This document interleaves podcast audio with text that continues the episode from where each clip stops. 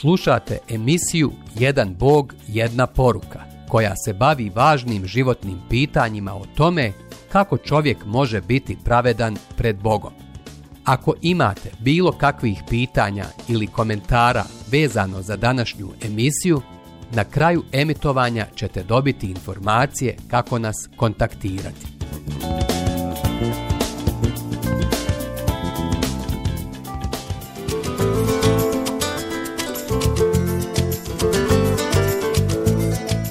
Jedan Bog, jedna poruka. 24. poglavlje Isplaćeno u potpunosti Raspeće biješe i ostade najokrutnije izvršenje smrtne kazne ikada, a pod okriljem države i njenih zakona. Rimska imperija se na ovaj način obračunavala sa najokorijelijim zlikovcima, Helen smaknuće raspećem biješe odgovor nas, ljudskog roda, na odluku i izbor našeg stvoritelja da dođe k nama. A vodili su i drugu dvojicu, zločince, da ih s njime pogube. I kada dođeše na mjesto zvano Lubanja, ondje razapeše njega i te zločince, jednoga s desna, drugoga s lijeva. Lukino evanđelje, 23. glava, 32. i 33. stih. razapet.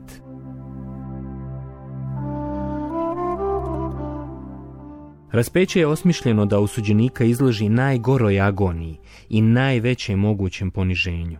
Nikada nisam vidio, a ne bih to ni volio, umjetničku predstavu bilo koje vrste, sliku, dramu, film, koja bi vjerno prikazala sramotu i agoniju koju je Isus istrpio na krstu. Recimo, u svim filmovima i na svim slikama Isus oko struka ima nešto, nečim je pokriven, ali istorija jasno bilježi da su rimski vojnici sadistički tukli gole osuđenike, da su ih takve prikivali kroz ručne zglobove i pete. Smrt raspećem biješe užasna, spora i sramna agonija. Ali Isus je to istrpio svojevoljno, i sramotu i bol, za mene, za Adama i sav njegov rod. Užas te patnje nam dočarava koliko je strašan naš grijeh i kako je ogavna kazna za njega. Vijekovima prije pojave Rimljana i njihovog užasnog izuma raspeća, prorok David je opisao Mesijina stradanja na krstu. Rulje me zločinačke okružile, probodoše mi ruke i noge, sve kosti moje prebrojiti mogu, a oni me gledaju i zure ume. Haljine moje dijele među sobom i kocku bacaju za odjeću moju koji me vode, podruguju se meni, razlače usne, mašu glavom. U Jahvu se on uzda, neka ga sad izbavi, neka ga spasi ako mu omilje. Psalam 22. od 16. do 18. stiha, 8. i 9. stih. I prorok Izaija objavljuje, jer sam se ponudio na smrt i među zlikovce bio ubrojen, da grijehe mnogih ponese na sebi i da se zauzme za zločince. Knjiga proroka Izaije, 53. glava, 12. stih. Evo nekih navoda iz evanđelja koje mnogi vide kao ispunjenje ovih riječi, jer se zaista poklapaju sa riječima proroka. I kada dođeše na mjesto zvano Lubanja, ondje razapeše njega i te zločince, jednoga s desna, drugoga s lijeva. A Isus je govorio, oče, oprosti im, ne znaju što čini. I razdijeliše među se haljine njegove, bacivši kocke, Stajao je ondje narod i promatrao, a podrugivali se i glavari govoreći. Druge je spasio, neka spasi sam sebe ako je on krist boži i zabranik. Izrugivali ga i vojnici, prilazili mu i nudili ga odstom. Jedan ga je od obješenih zločinaca pogrđivao. Nisi li ti krist? Spasi sebe i nas. A drugi ovoga prekorijevaše. Zar se ne bojiš Boga ni ti, koji si pod istom osudom? ali mi po pravdi, jer primamo ono što smo dijelima zaslužili, a on, on ništa opako ne učini. Onda reče, Isuse, sjeti me se kada dođeš u kraljevstvo svoje. A on će mu, zaista ti kažem, danas ćeš biti sa mnom u raju. Bijaše već oko šeste ure kad nasta tama po svoj zemlji, sve do ure devete, jer sunce pomrča. Lukino evanđelje, 23. glava, od 33. do 36. stiha i od 39. do 45. stiha. Ostvarenje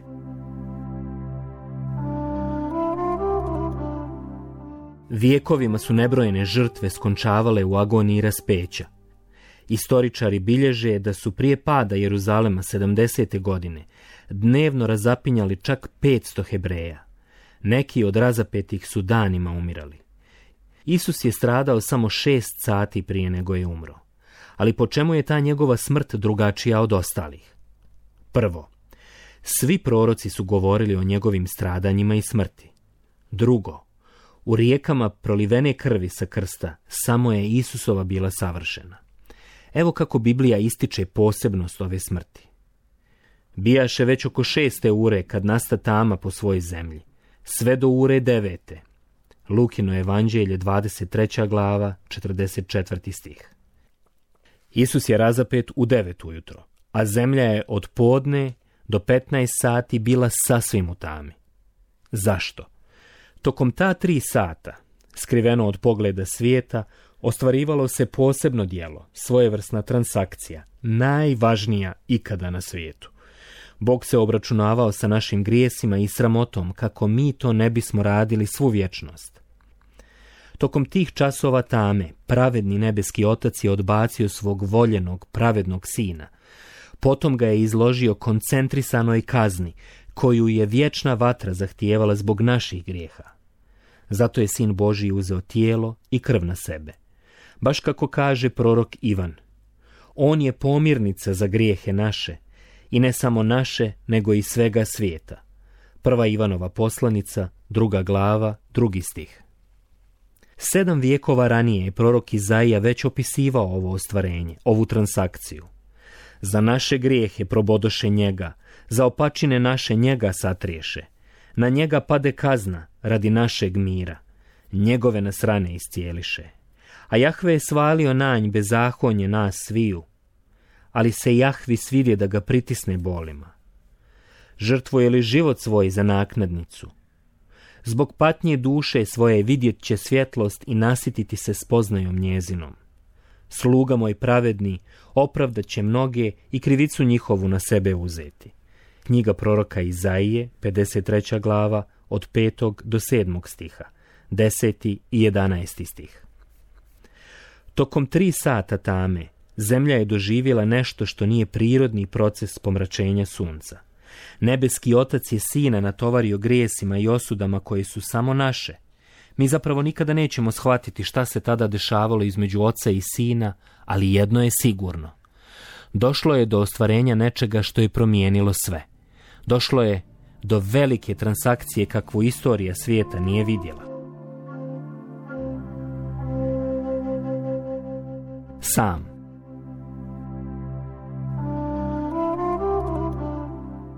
I na vrhuncu ove guste tame čitamo ovako.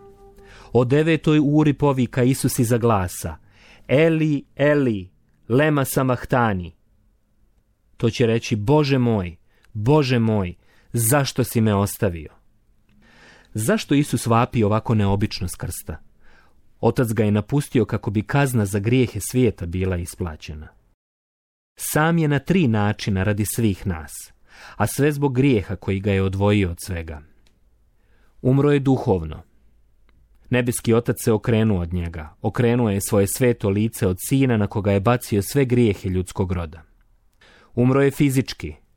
U času kada se svojevoljno prepustio smrti, duh i duša su mu napustili tijelo. Umro je drugom smrću. Prošao je agoniju pakla za sve nas. Šta je pakao? mjesto ostavljenosti, mjesto gdje nema božanskog svjetla, zato je u tami. Mjesto gdje nema ničeg dobrog, gdje je čovjek odvojen od prisustva i ljubavi nebeskog oca. Na krstu je vječni sin, prvi i posljednji put bio odvojen od oca. Isus je istrpio taj užas, tu agoniju odvojenja kako je mi ne bismo dovijeka ispaštali. Sveto jagnje Božije je ponijelo grijeh. Postao je naša zamjena, ponijelo je puninu prokletstva grijeha, prihvatilo je našu sramotu, naš bol, trnje i klinove. Na krstu, na tom žrtveniku, Isus je postao prava i posljednja žrtva paljenica za grijehe. Pakao za samo nekoliko sati. Isus je otišao u naš pakao. Kako je jedan čovjek mogao platiti cijenu sveg ljudskog roda? Kako je Isus za samo nekoliko sati mogao istrpiti vječnu kaznu? Mogao je zbog onoga koji jeste. I zbog toga koji jeste nije morao da je trpi svu vječnost, kao što bismo mi morali. Kao vječni Božiji sin nije imao grijeh u sebi, zbog kojeg bi ispaštao, ali je bio omeđen vremenom poput nas. Zbog onoga koje, mogao je da okusi smrt za sve. Hebrejima poslanica druga glava 9. stih. Kao što gospodu Bogu nije bilo potrebno bilo koje određeno vrijeme da sazda ovako složen svemir u kome smo, iako je odlučio to uraditi za šest dana, tako mu ni na krstu nije bilo potrebno neko posebno određeno vrijeme da bi otkupio čovječanstvo, iako je odlučio to uraditi za šest sati. Bogu vrijeme ne znači mnogo. Prorok David piše, prije nego se rodiše bregovi, prije nego postade kopno i krug zemaljski, od vijeka do vijeka, Bože, ti jesi jer je tisuću godina u očima tvojim koji učerašnji dan koji je minuo i kao straža noćna. Psalam 90. prvi i četvrti stih. Dovršeno je.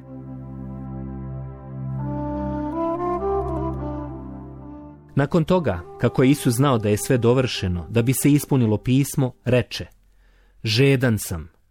A ondje je stajala posuda puna octa i natakoše na izopovu trsku spužvu natopljenu octom, pa je primakoše njegovim ustima.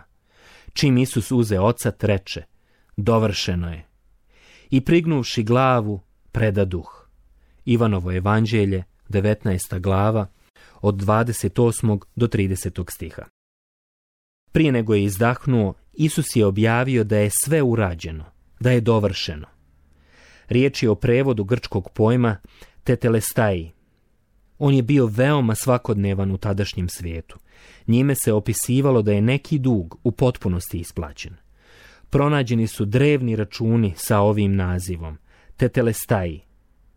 On je ispisan preko čitavog dokumenta sa jasnim značenjem. Isplaćeno je u potpunosti. Dovršeno je. Pojam Tetelestai se koristio i za opisivanje dovršenja nekih zadataka, poduhvata, kada bi se u ona vremena neki sluga vratio nakon obavljenog posla, nakon povjerenog mu zadatka, rekao bi gospodaru, te telestaji, stvar je urađena, obavljena. Također čitamo u evanđeljima. A Isus zavapi jakim glasom i izdahnu. Markovo evanđelje, 15. glava, 37. stih. Ovo je bio krik pobjednika, Ispunjena su sva proroštva, svi znaci i simboli o Božijem žrtvenom jagnjetu. Isus je neshvatljivo mnogo postradao od sile prokledstva. Platio je otkupnu cijenu svom ocu kako bi spasao uprljani i prokleti rod Adamovog potomstva. Božija pravedna priroda i gnjev, izliveni protiv grijeha, su zadovoljeni.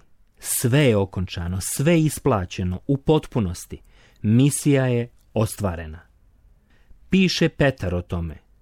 Ta znate da od svog ispraznog načina života što vam ga oci nam riješe, niste otkupljeni nečim raspadljivim, srebrom ili zlatom, nego dragocinom krvlju Krista, jaganjca nevina i bezmane. On bijaše do duše predviđen prije postanka svijeta, ali se očitova na kraju vremena, radi vas.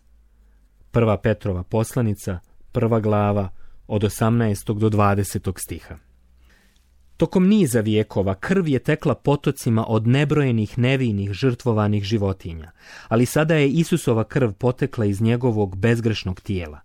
Besprijekorna, dragocjena krv Kristova nije samo pokrila naše grijehe, već ih je odnijela zauvijek i izbrisala. O tome je govorio i prvi savez koji je Bog sačinio. Prorok Jeremija kaže Evo dolaze dani, riječ je Jahvina, kad ću s domom Izraelovim i s domom Judinim sklopiti novi savez. Jer ću oprostiti bezakonje njihove i grijeha se njihovih neću više spominjati. Knjiga proroka Jeremije, 31. glava, 31. i 34. stih. Novi zavjet to dodatno pojašnjava. Kad veli novi, ostari onaj prvi, što pak stari i dotrajava, blizu je nestanku. Hebrejima poslanica 8. glava 13. stih. Nema više potrebe za žrtvama paljenicama radi očišćenja grijeha. Životinske žrtve na žrtveniku su zamijenjene zauvijek jednom žrtvom, razapetim mesijom na krstu. Baš kako je Abraham prorokovao, da se Bog pobrinuo sam za svoju žrtvu. Postanak 22. glava, 8. stih. Bog koji je poštedio Abrahamovog sina, svojega sina nije poštedio, nego ga je za sve nas predao.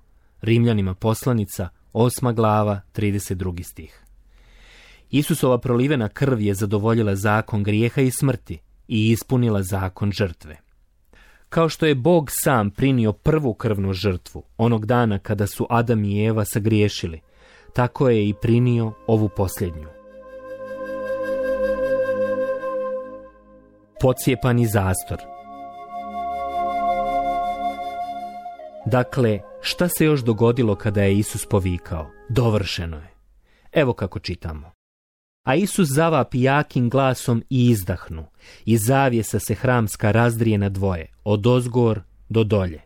Markovo evanđelje, 15. glava, 37. i 38. stih. Drevni istoričari bilježe da se hramski zastor pocijepao, iako je bio debeo kao dlan, a trebalo je oko 300 muškaraca da ga pomjeraju. Šta je učinilo da se ovako teška, ovako masivna zavjesa doslovno prepolovi? Kada se vratimo u 21. poglavlje, vidimo da je Bog upravo ovo zapovjedio svom narodu. Da načine posebnu zavjesu, zastor u šatoru sastanka, a kasnije i u hramu. Zastor je odjeljivao svetinju nad svetinjama od svetinje i ostatka šatora.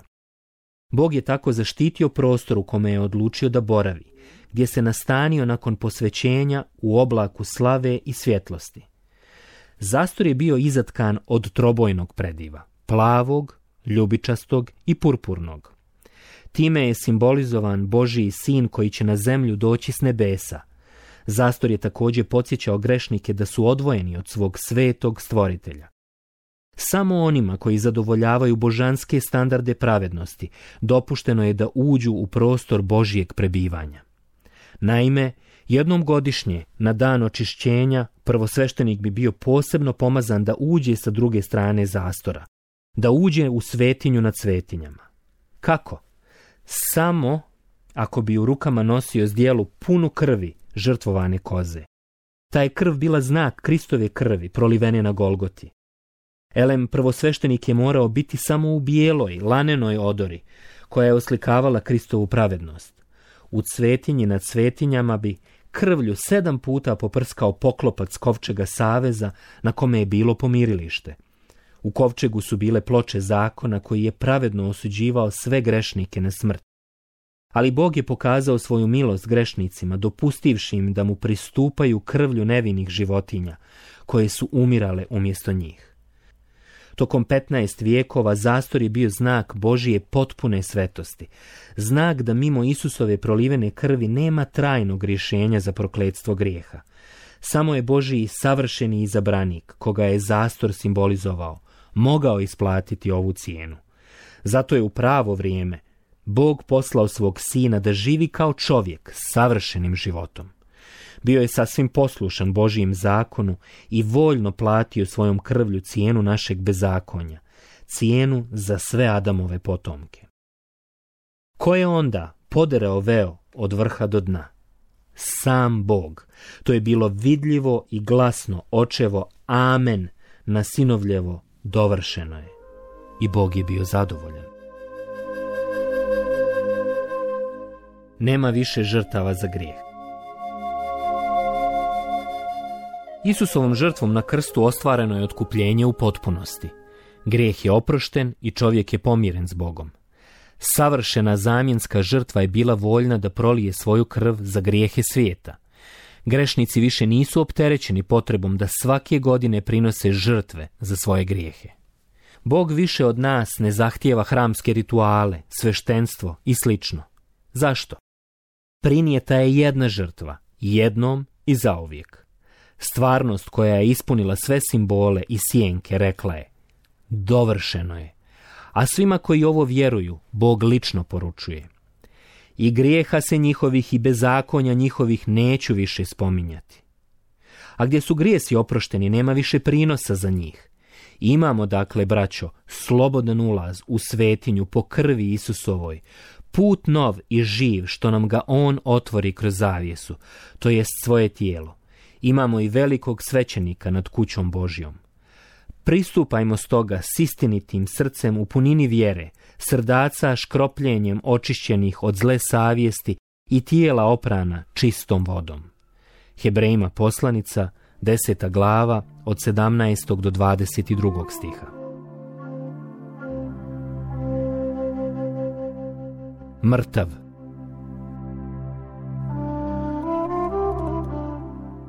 U času kada je Isus umro, ne samo da se hramski zastor pocijepao, prepolovio, već je došlo i do zemljotresa koji je učinio da su se radoznalci oko krsta razbježali. A satnik i oni koji su s njime čuvali Isusa, vidješe potres i što se zbiva, silno se prestrašiše i rekoše, u istinu, sin Božiji bijaše ovaj. Matejevo evanđelje, 27. glava, 54. stih. Nešto kasnije, da bi osigurao ovu činjenicu, rimski vojnik je Isusu kopljem probio bok. Potekli su krvi voda, što je jasan medicinski dokaz da je zaista umro. Ali dotični vojnik je ovim činom ispunio i davno kazano proroštvo. Sahranjen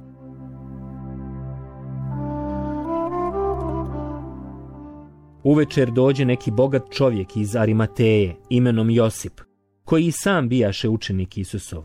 On pristupi Pilatu i zaiska tijelo Isusovo. Tada Pilat zapovjedi da mu se dadne. Josip uze tijelo, poviga u čisto platno i položi u svoj novi grob koji bijaše isklesa u stijeni. Dokotrlja velik kamen na grobna vrata i otiđe. Matevo evanđelje, 27. glava, od 57. do 60. stiha.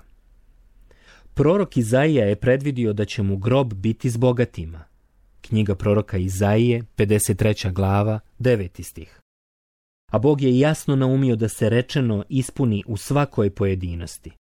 Ali Isusovi učenici nisu razumjeli ovo. Iskreno su vjerovali u učitelja da je on taj mesija koji će osnovati svoje kraljevstvo na zemlji. Ali kada su ga vidjeli mrtvog, kada su čuli da je sahranjen, umrle su i sahranjene i sve njihove nade. Nema više njihovog voljenog učitelja. Ubili su ga. Sahranjen je. Sve je bilo gotovo. Barem su tako mislili. Ali ni to nije bilo posljednje od njih. Kao da su zaboravili da im je govorio da će ustati iz mrtvih. Ali vjerske vođe nisu. Nisu bili zadovoljni time što je Isus sahranjen. Evo kako čitamo šta je bilo dalje. Sutradan, to jest dan nakon priprave, Sabraše se glavari svećenički i farizeji kod Pilata te mu rekoše Gospodaru, sjeti smo se da onaj varalica još za života kaza, nakon tri dana uskrsnut ću.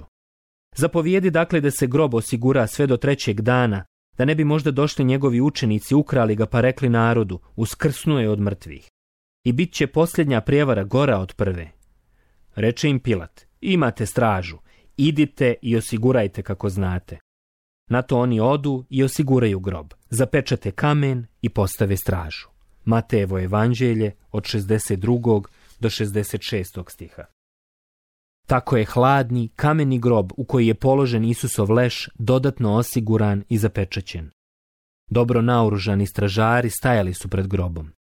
Eto, činilo se da je završena priča zvana Isus iz Nazareta, a onda je osvanulo nedeljno jutro.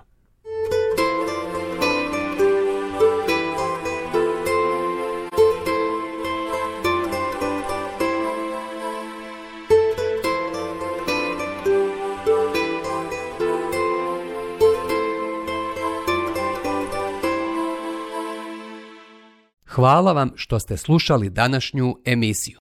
Kontaktirajte nas putem našeg e-maila putpravednosti.bih.gmail.com ili putem naše Facebook stranice Put pravednosti. Do sljedećeg slušanja.